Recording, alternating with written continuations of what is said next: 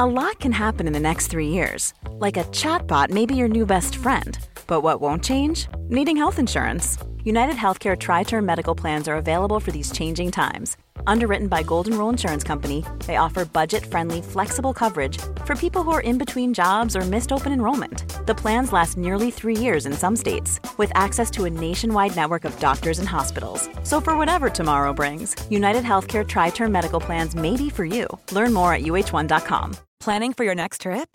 Elevate your travel style with Quince. Quince has all the jet setting essentials you'll want for your next getaway, like European linen, premium luggage options, buttery soft Italian leather bags, and so much more. And is all priced at 50 to 80% less than similar brands. Plus, Quince only works with factories that use safe and ethical manufacturing practices. Pack your bags with high-quality essentials you'll be wearing for vacations to come with Quince. Go to quince.com slash pack for free shipping and 365-day returns.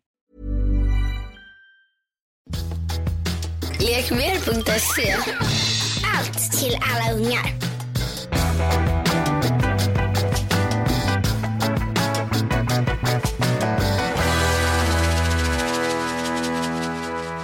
Hej Ann!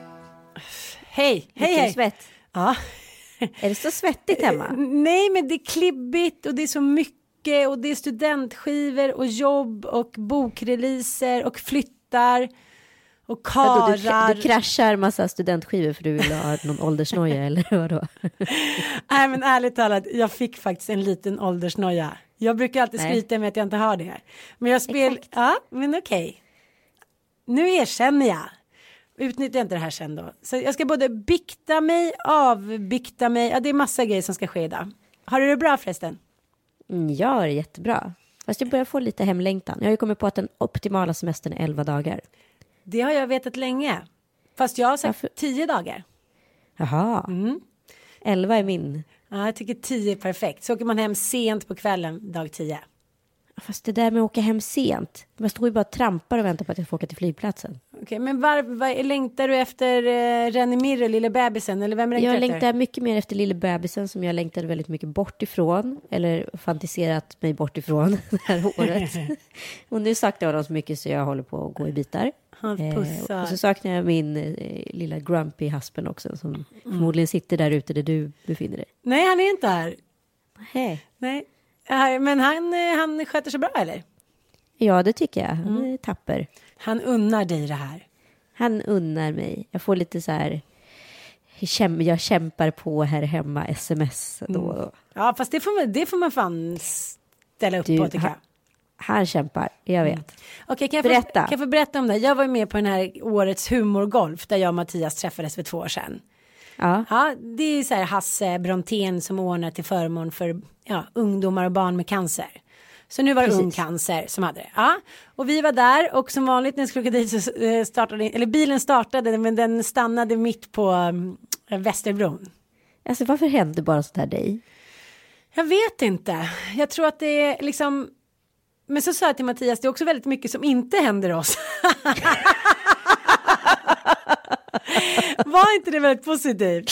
Alltså det var det mest positiva jag hört. Men han säger så här till mig, han är, är ju höjdrädd, alltså big time. Alltså Nej. han har ju höjdfobi. Lik, Västerbron, ja, liksom sin far. Så på vägen upp på Västerbron så började vår eh, lilla bilmeckapär tuta. Så stod det så här fel på eh, motorn, så här, stanna, stanna. Jag bara, men ah, vi ska ju vara på den här tävlingen nu, vi måste skynda dig, vi är sena och så där. Han bara, nej men, nej men, jag bara, men åk upp nu, vi tar den där bensinmacken, så det är säkert bara att vi har jättelite bensin. Han bara, okej då, men tänk om vi stannar mitt på bron, du vet hur jag kommer må då. Jag bara, okej, eh, vi stannar mitt på bron. Och han började hyperventilera och jag känner bara så här, det här är mellan dig och mig nu och våra poddlyssnare. Bara lugna ner dig nu, ta det lite lugnt typ. Jag är redan irriterad på honom för att han har på dåligt humör i 24 timmar. Så nu börjar han ju börja sparka på panelen och bara Vad var jag sa? Vad var jag sa? och så mitt i det där så säger han så här, prata lugnande med mig. Jag bara, jaha? Då vill jag ju bara, jag sitter och känner mig som att jag är Prata med i film. lugnande med dig. Ja, du, du förstår ju att vi har ju ingen varningstriangel så vi kan ju dö vilken sekund som helst. Men Jaha, vi sitter där med trafiken som bara vum, vum, vum. Och jag sitter bara och tänker att jag är med i en scen, alltså i den där klassiska scenen i filmen Turist. Att Jag han kan är, tänka mig att jag ska vara fruktansvärt irriterad på dig under en så här katastrofgrej. Så jag, är lite på Mattias sida men för att jag är så, sådär. Ja, eller hur? För du bara, ha, okej. Ja. Nu sitter jag med en filmscen. sitter du och tänker i ditt huvud. Nej men jag började instagramma och tänkte så här, men jag men ringde Falk och liksom ringde taxi till honom och sådär. Så att, eh, ja, och han sådär, tala lugnande med mig. Jag bara, mm, här ringer jag nu 612 0000 till taxi. Så han sticker och där sitter jag på bron och bara la la la la la la. Ja, jag, jag tycker inte att det är något farligt. Så vänder jag mig om och ser alla de här bilarna som är så här nära och eh, åka in i mig. Då tänkte jag jag sätter på mig säkerhetsbältet.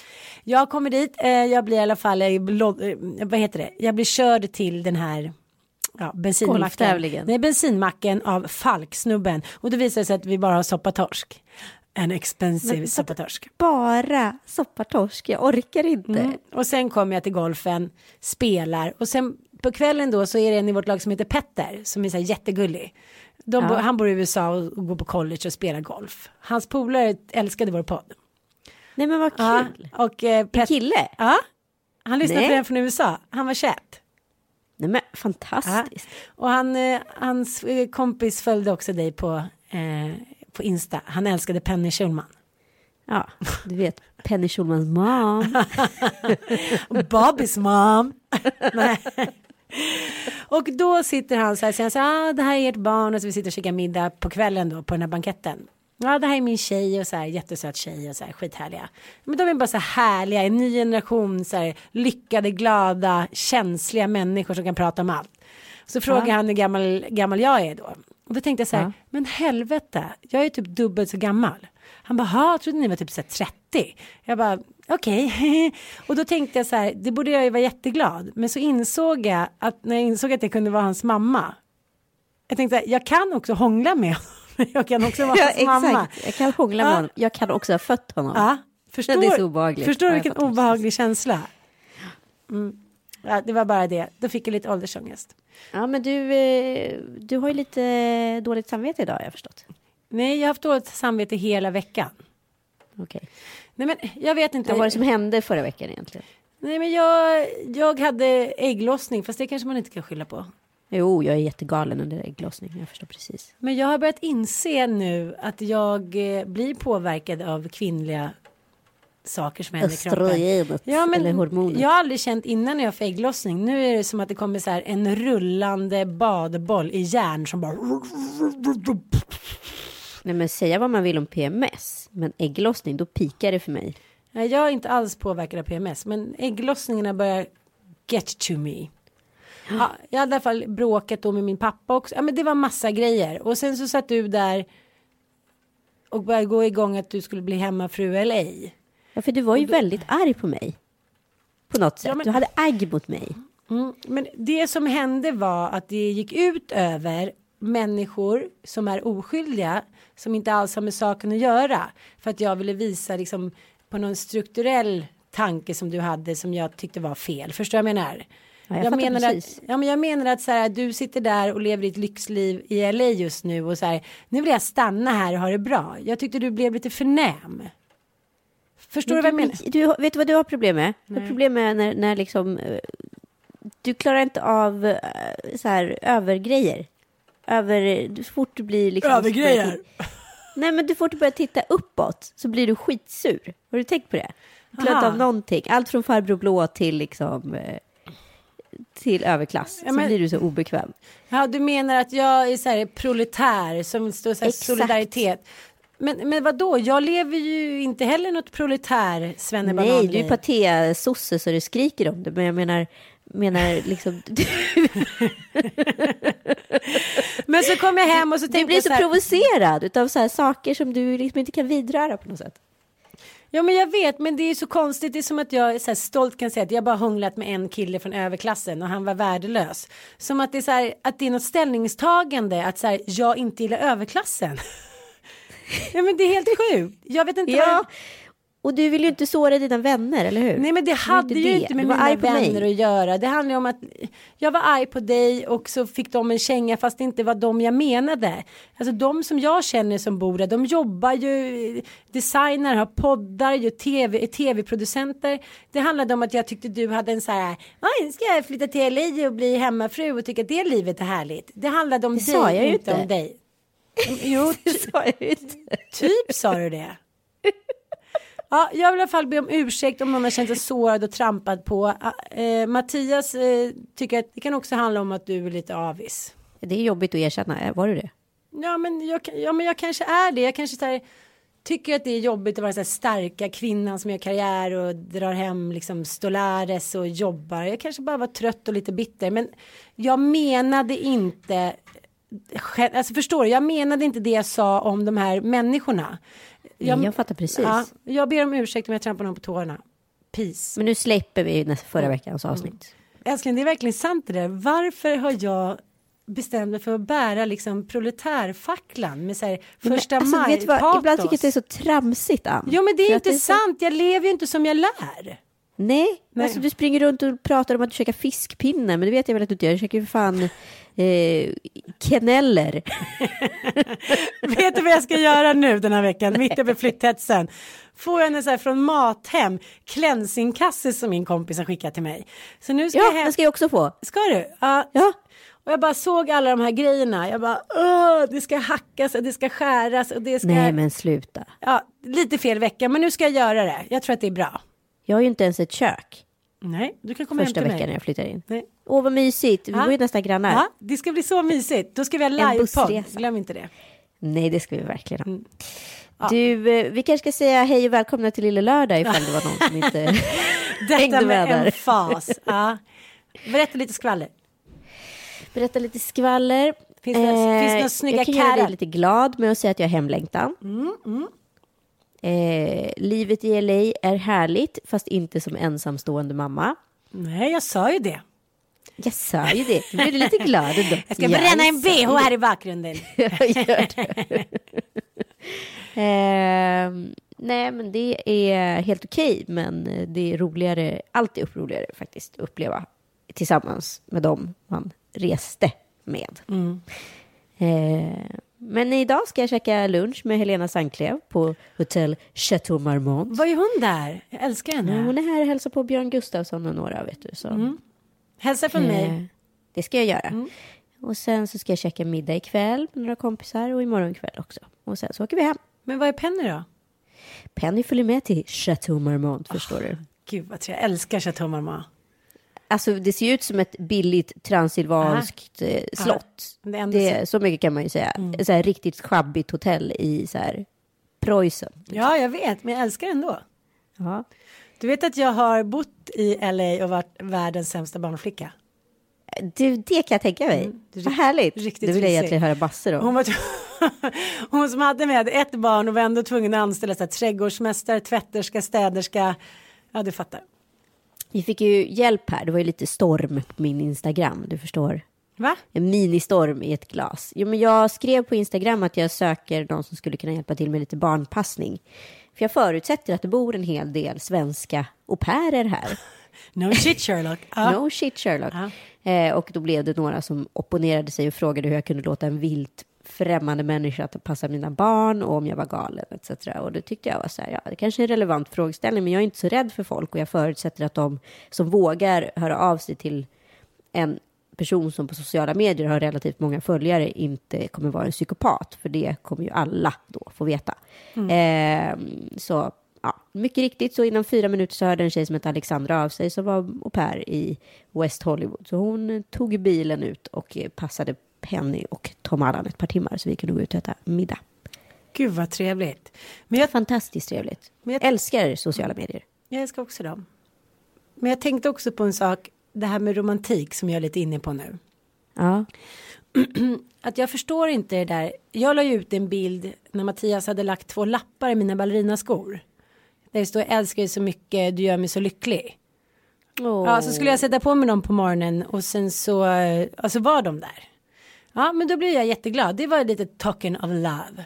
Men då, ja. då följde jag den Instagram-flödet och då var det väldigt många som verkade leva väldigt mycket under romantiktorka. Jaha. Och då har jag tänkt väldigt mycket på det där. Jaha, säger jag som att jag inte hade en aning. Nej, men det var så här, men flera skrev så här, har du sagt till honom att du vill ha små romantiska bevis och så där? Och då sa jag nej, nej absolut inte. Utan, ja, men det är så vi gör. Vi skickar lite sms och det är lite bilder och det är någon blomma och hit och dit. Det är väl inget i överflöd men det är liksom på en habil väldigt bra nivå. Och så ja. har jag tänkt på det där väldigt mycket. Hur svårt människor har att så bara uppfylla människors önskan.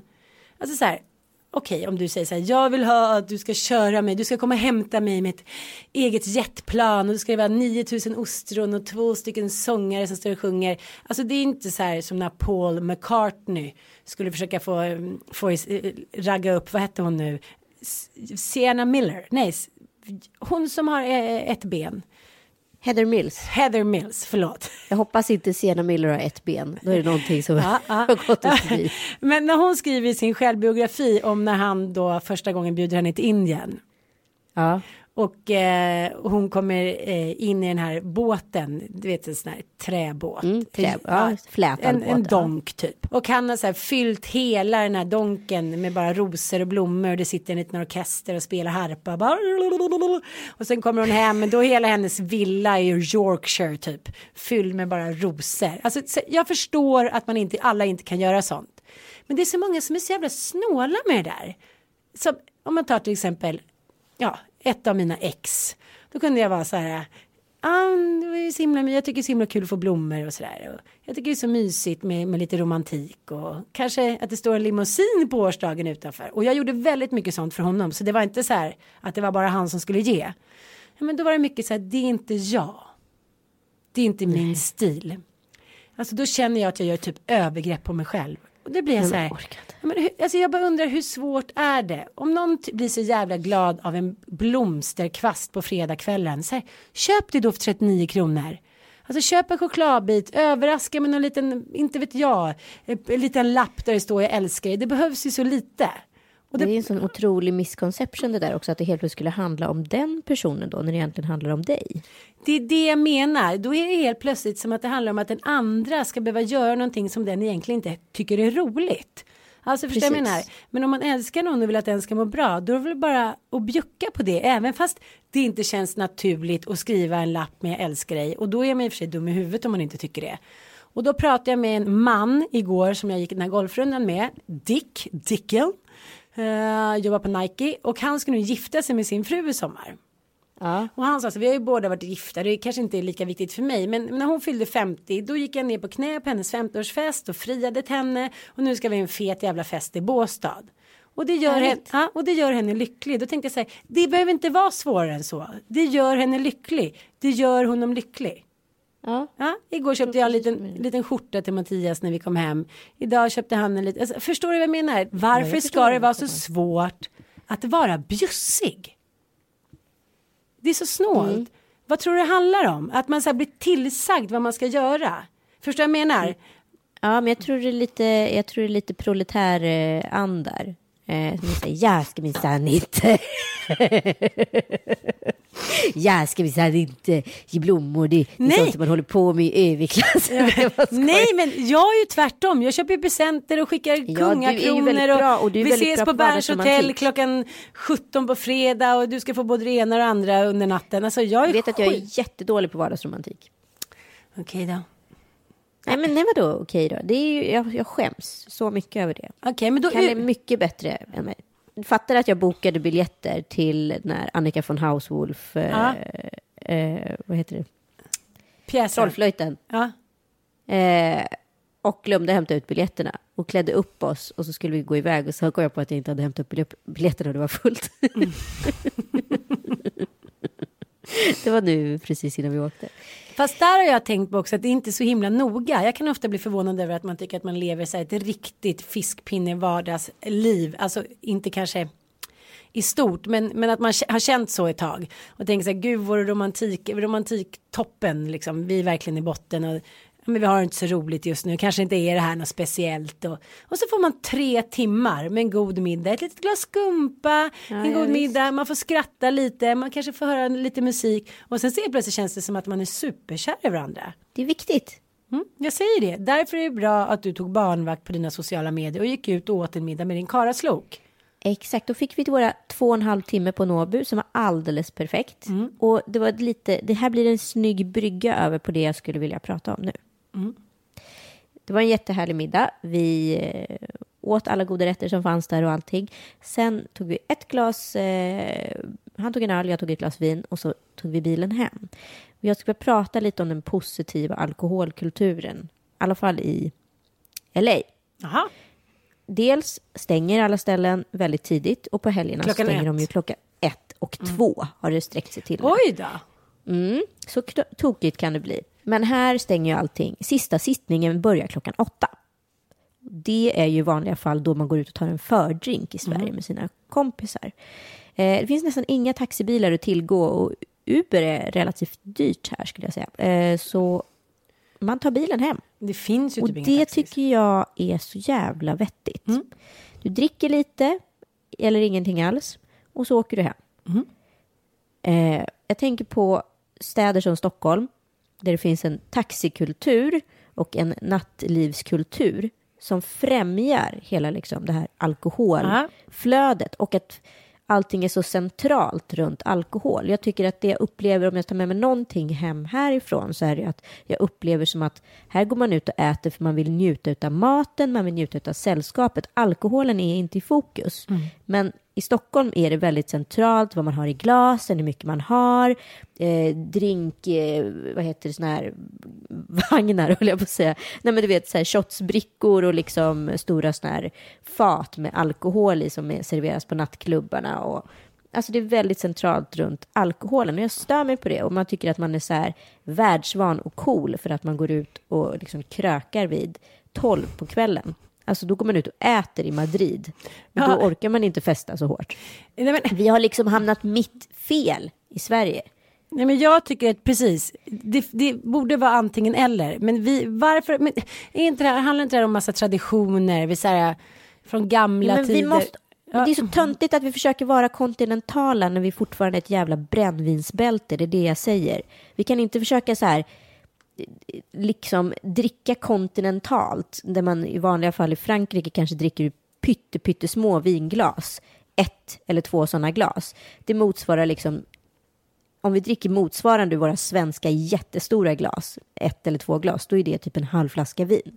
Det är inte ett kontinentalt drickande. Jag tycker att vi är jäkligt efter där och vi ska inte låtsas vara liksom en storstad som vi inte bär fog för, för vi är fortfarande någonting i östbältet i mm. vår alkoholkultur. Ja, men, men det är, vi tycker att vi är superkosmopolitiska. Tar en liten drink. Inte. Absolut inte. Och jag har tänkt på det där som jag och Sanna skrev i någon debattartikel för några år sedan alla tänker att man säger ja men man dricker några öl och man dricker några glas vin och hit och dit. Men som man till exempel som småbarnsförälder när man tar typ två, tre glas vin då är man ju bakis dagen efter. Men man är, man är, ja, på tre man, glas Jo, men man blir lättirriterad, man är så här, irriterad på barnen. Så det, det är inte bara att man liksom dricker och är lite full. Man är också skitirriterad en dag efter, det pratas det aldrig om. Förstår lite? Nej. Förstår lite vad jag menar? Det drabbar ju även, det är inte bara ett så här centrerat tillfälle, fruset tillfälle, utan det påverkar under lång tid. Man börjar bråka, man är irriterad på varandra dagen efter, man blir seg på jobbet. Så den här kulturen att vi bara tar några två, tre glas vin, ja, det är inte så härligt som det framstår tycker jag. Och jag tycker många bidrar till att framställa som att det vore så jävla härligt. Förstår du vad jag menar? Ja, ja visst. Mm, mm. Jag är jätterädd generellt för att lägga ut så här alkohol Instagram-uppmaningar. Jag skrev någon gång så här Pims time för ett tag sedan och så fick jag lite så här dåligt samvete efteråt. Men det kändes ändå som att det var så här vuxet och Pims, det dricker man ju ett glas, inte en kanna. Nej, men någon har sagt så här, ja, ni, ni pratar om att ni dricker champagne och så här i podden och då tänker jag att bra att folk påpekar det. Jag Ja. vill heller inte vara vin och spritromantiker för det är Nej. absolut inte. Och min syrra sa en jävligt gullig grej idag för vi pratar just om alkohol och jag har påverkat den under uppväxten och liksom hur jag blir mer och mer absolutist att jag inte vill dricka liksom inför mina barn för att jag vill inte att de ska känna att jag blir annorlunda. Och då sa min syrra att hennes 18-åriga dotter hade sagt till henne idag att även om det när de mamma, hennes mamma och hennes pappa var nyskilda och Åsa hade de lite kompisar hemma, de delade på någon flaska vin även fast det var en tisdag. Så sa hon så här, mamma jag har aldrig sett onykter och jag tycker bara att det har varit trevligt och det har varit skön kultur kring drickande hemma hos dig och även hos pappa. Det har aldrig gjort mig orolig, jag har aldrig sett på alkohol som någonting som för med sig något negativt. Du har skött dig väldigt bra och jag är väldigt glad för det. Det är jättebra. Var inte det bra? Jättebra. För jag menar, man vill ju inte heller framställa som att säga, gud vi är superabsolutister. Jag tycker att vin på rätt sätt är väldigt trevligt till en supergod middag.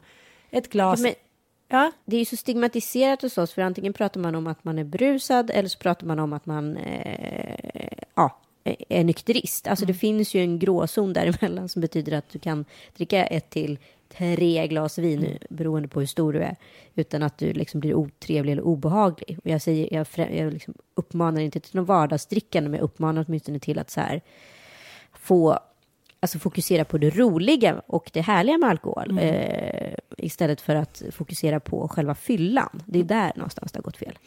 men det här är ju att som, jag som jobbar med Trygga Barnen, du vet vilka de är. Ja. Ja, och de, de har ju nu trygga vuxna och de har trygga barnen och de jobbar ju bland annat med människor Ja men på Östermalm. nu är jag tillbaka där. Nej men just det att det kanske är svårare att upptäcka i familjer där det finns pengar. Lite finare viner, det finns någon som kan täcka upp. Men liksom, det spelar ingen roll vilken socialklass det är. Det är ändå lika hemskt för ett barn att se sina föräldrar fulla. Det kan vi bara konstatera tycker jag. Ja, absolut. Sen så tror inte jag liksom att fulla gubben som blir obehaglig finns i alla familjer. I vissa familjer kan till och med Absolut inte. eh, pappa bli lite mindre stressad, eller mamma, eh, och sådana saker. Men det beror ju också på dagen efter. Vad som, egent- egentligen tycker jag hela alkoholdiskussionen handlar om dagen efter. Bra. Vad händer ja, när man, dagen efter, när man ska börja bära ansvar igen? Eller hur? Det pratas det Ja. aldrig om. Men nu har vi Nej. satt igång en liten tråd kring det tycker jag.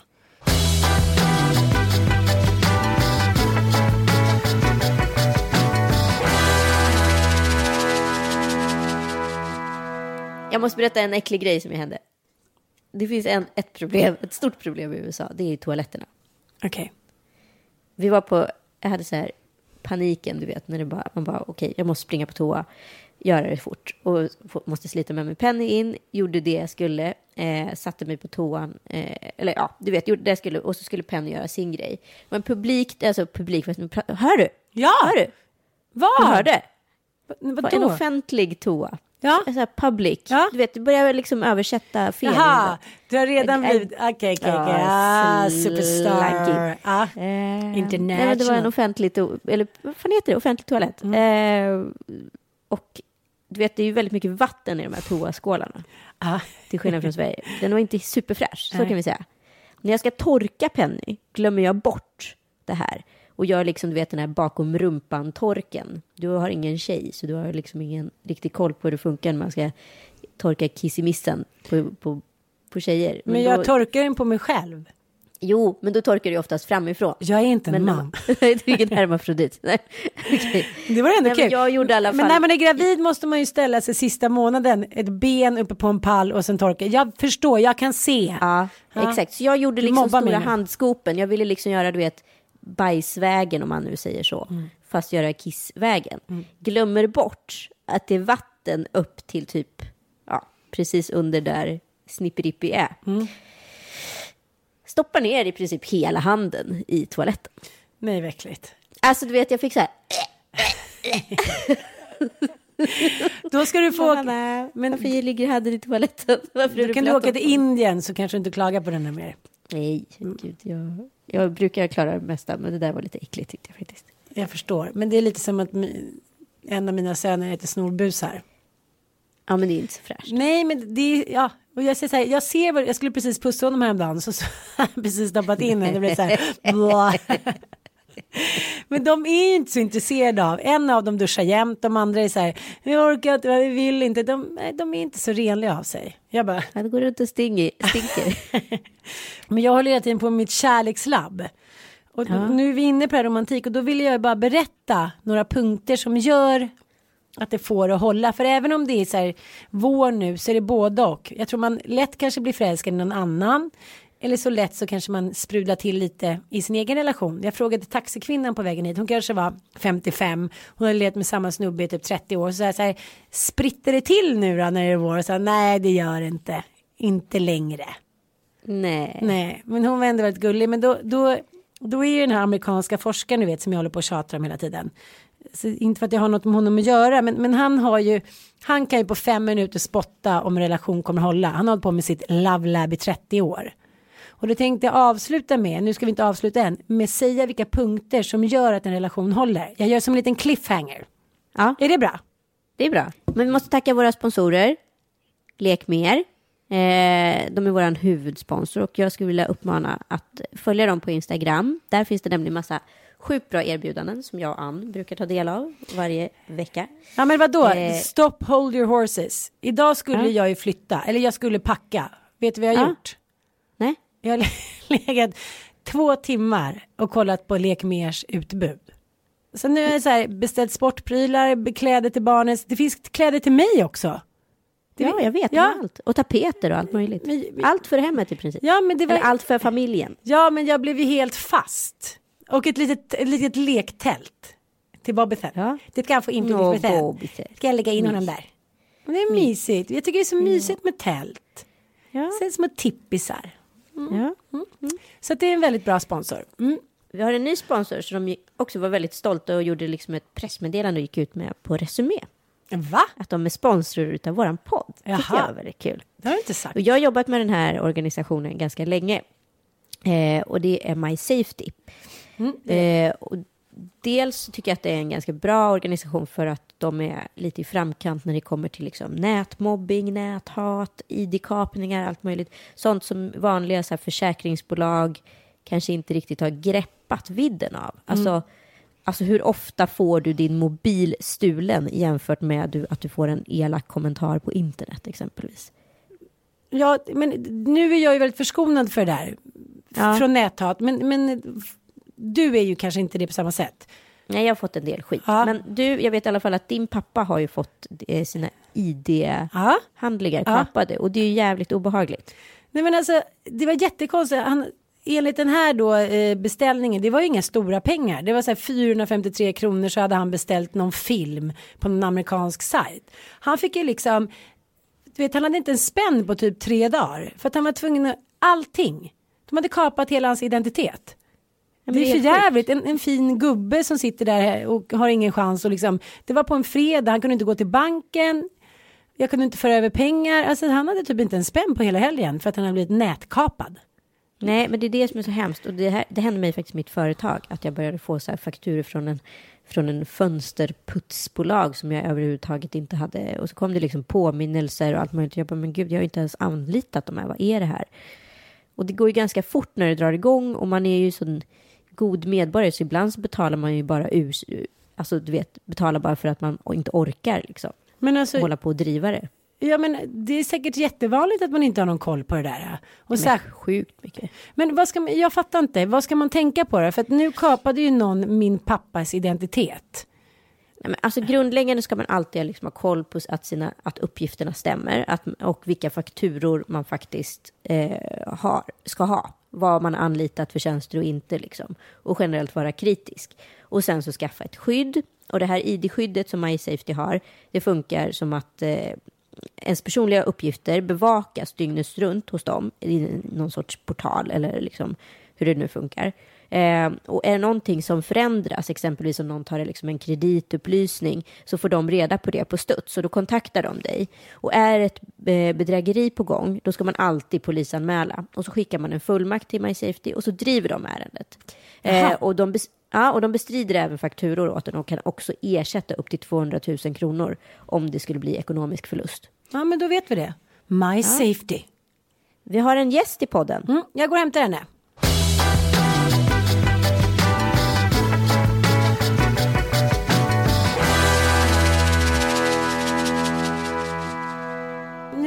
Ebba von Sydow här nu. Mm. Det är hennes flicknamn.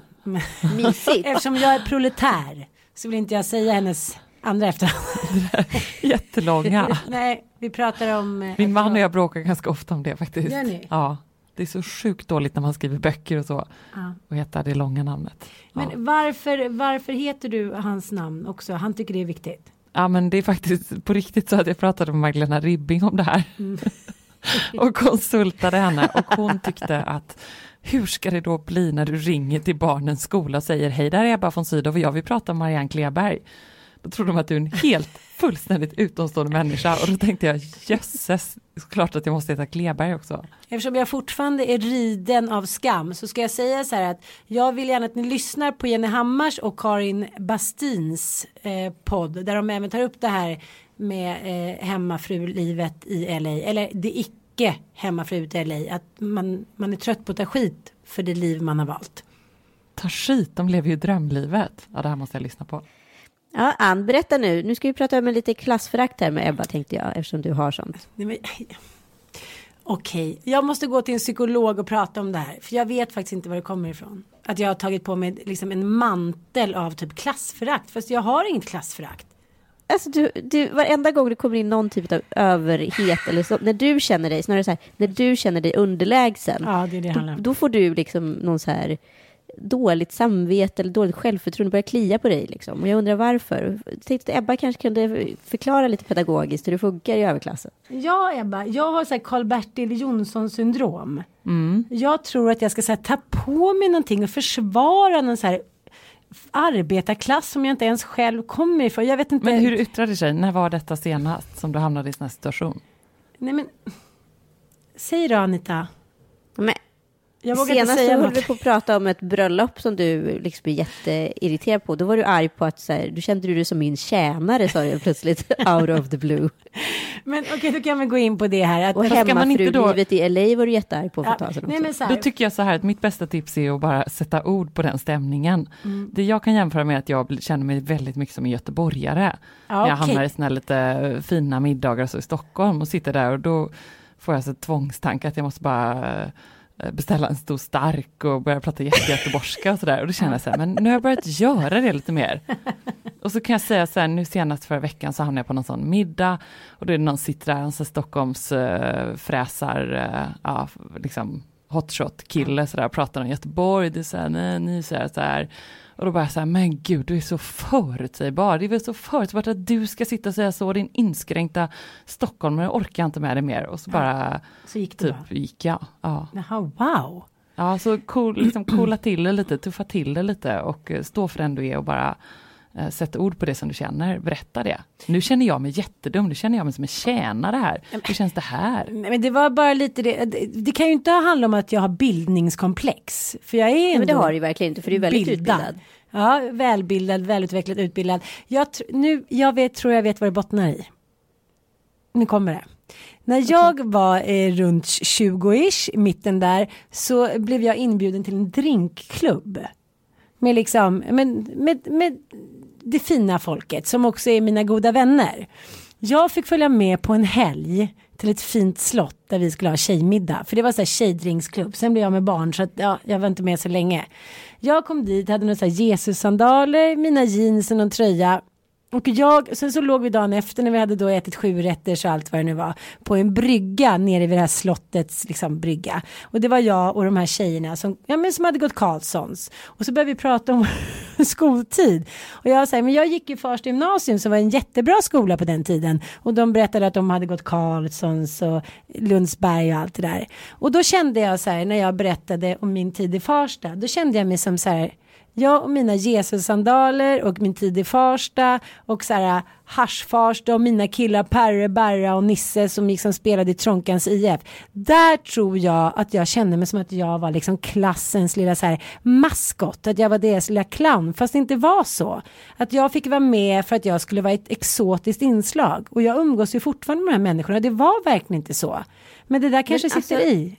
Vad säger du Ebba? Kan det ha varit där? Att jag har fastnat i det där att jag att jag kände mig underlägsen. Ja, och det låter ju verkligen som att det ligger helt hos dig och bara hos dig. Ja.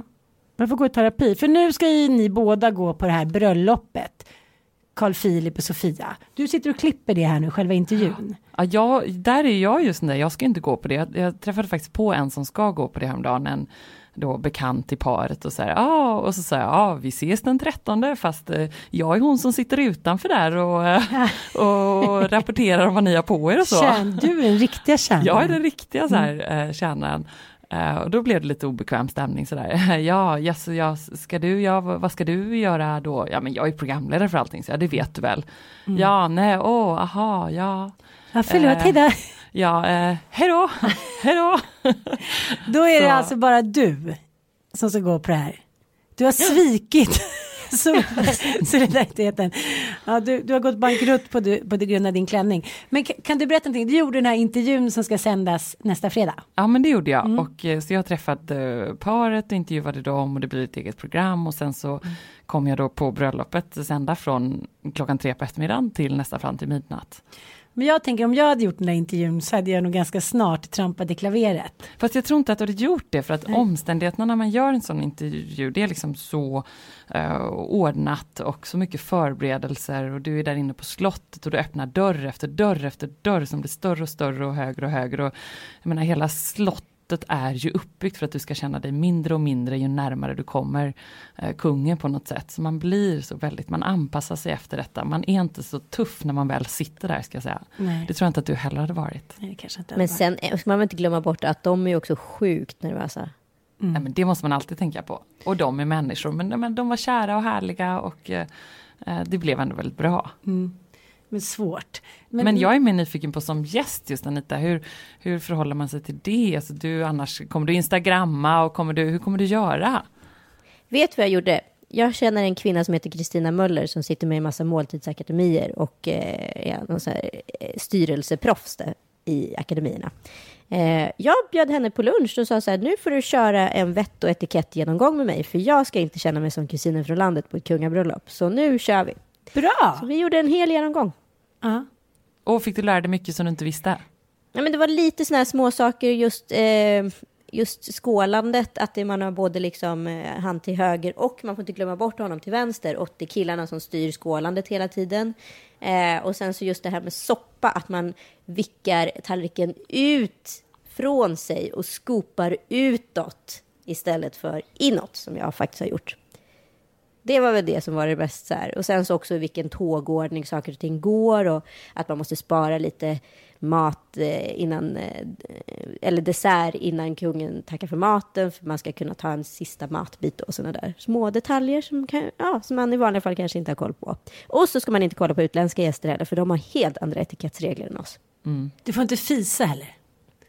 Nej, det får jag inte göra och jag får absolut inte gå på toaletten och eh, jag måste knipa fast servetten mellan benen så den inte ramlar på golvet. Det kan hända att den ramlar ner ändå. Du får göra knipa. Gud, det låter som du är helt fullärd. Varför tror du att eh, prinsen är så himla kär i Sofia? Vad är det hon har? Förutom att hon ser ut som Silvia och är det sötaste man har sett. Ja men hon är ju söt som en karamell men mm. jag tror, alltså det är, det var väl det jag kände när jag träffade dem, att det är ingen annan skillnad mot några andra som man eh, i ens bekantskapskrets som är liksom ett eh, superplussigt par. De tar fram varandras bästa sidor, ni vet pluspar, sådana som gör varandra så mycket bättre. Mm. Uh, och jag kan inte säga att jag känner dem, men de kändes verkligen som ett sånt par. Mm. Um, och det tycker jag man ser på hur par uh, uh, ja, men, fyller i varandras meningar och, och tittar på varandra och kroppsspråk och så. Och, ja, men det där, Love lab, jag bara avbryter ja. Mattias hela tiden, du avbryter Kalle också. Nej, Ja, både och. Mm. ja, men så det, det tror jag. Okej, okay. ja men det tycker jag. Men en till fråga då som jag tycker är så spännande, du som är etikett, hov, etikettsexpert. Att eh, om man tänker Gud, Madeleine. Anita men Madeleine valde ju liksom en kille ja, men with manners, med pengar och överklass och så här. Victoria och Carl Philip har ju inte gjort det. Det har ju såklart varit lite tuffare för dem tror jag att komma hem till pappa kungen och mamma drottningen och säga så här. Den här tjejen, Paradise Hotel tjejen valde jag. Är den här eh, Peter-killen som jobbar på gymmet valde jag. Men, men eh, man kan ändå se två men olika Men det är också en sida av det på något sätt. Det är också, man kan också se det som att eh, det är väl inget egentligen inget konstigt val. Eh, med, med Daniel, visst PT-kille men också entreprenör och eh, superdriftig och duktig. Jag menar mm. Sofia, det är samma där, ja Paradise Hotel. Varför ska man alltid marginalisera henne till Paradise Hotel-brud? Jag tycker det finns liksom nog en annan sida av det. Jaha. Ja.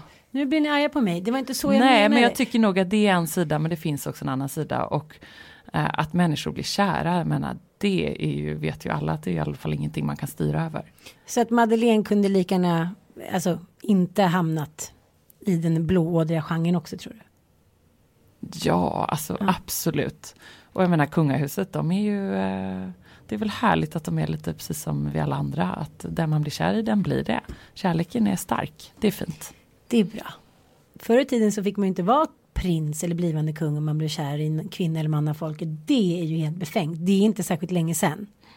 Då gifte man sig också när man var 14 år. Typ. Det var först på 1600-talet. 1600-talet är första gången som, som någon gifte sig av kärlek. Mm, jag kanske ska ha det som gäst har jag här i studion utanför slottet där. Ja. ja, jag kommer gärna. Det är bara min avundsjuka lyser igenom. Det är det han vill. Jag är en avundsjuk människa. Jag har aldrig, aldrig insett det. kommer uh, Penny här. Hej Penny. Du ska sova nu. Nej, vi har precis gått upp. Klockan är halv nio. Jaha, okej. Okay. Du ska inte sova nu. Du ska vakna. Tack för den här gången. Kom hem nu så att vi framstår som lite smartare. Ja, kolla nu vad du har skapat. En prinsessa. Hej prinsessan. Att du är en prinsessa. Nej, det är jag inte. Nej, det är du Nej. Puss och kram. Puss, puss. Godnatt. Tack för idag ja. och vad kul att ni lyssnat. Hej då, hej då allihopa. Hej. Tack för idag. Lekmer.se. Allt till alla ungar.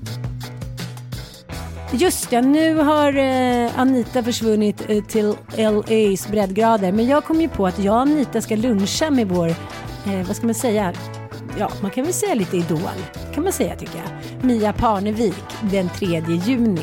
Och då tycker jag att det vore så roligt om ni ställer några frågor till henne. Då kan ni ställa lite så här frågor som inte vi vågar ställa. Så har ni några frågor så eh, mejla oss eller gå, på in, gå in på våra Insta och ställ frågor. Eller mejla till oss info.anitaschulman.se eller till ann.sobdelund.gmail.com Så ska vi ställa de frågorna lite när vi käkar lunch med Det blir roligt. Ha det så bra. Puss!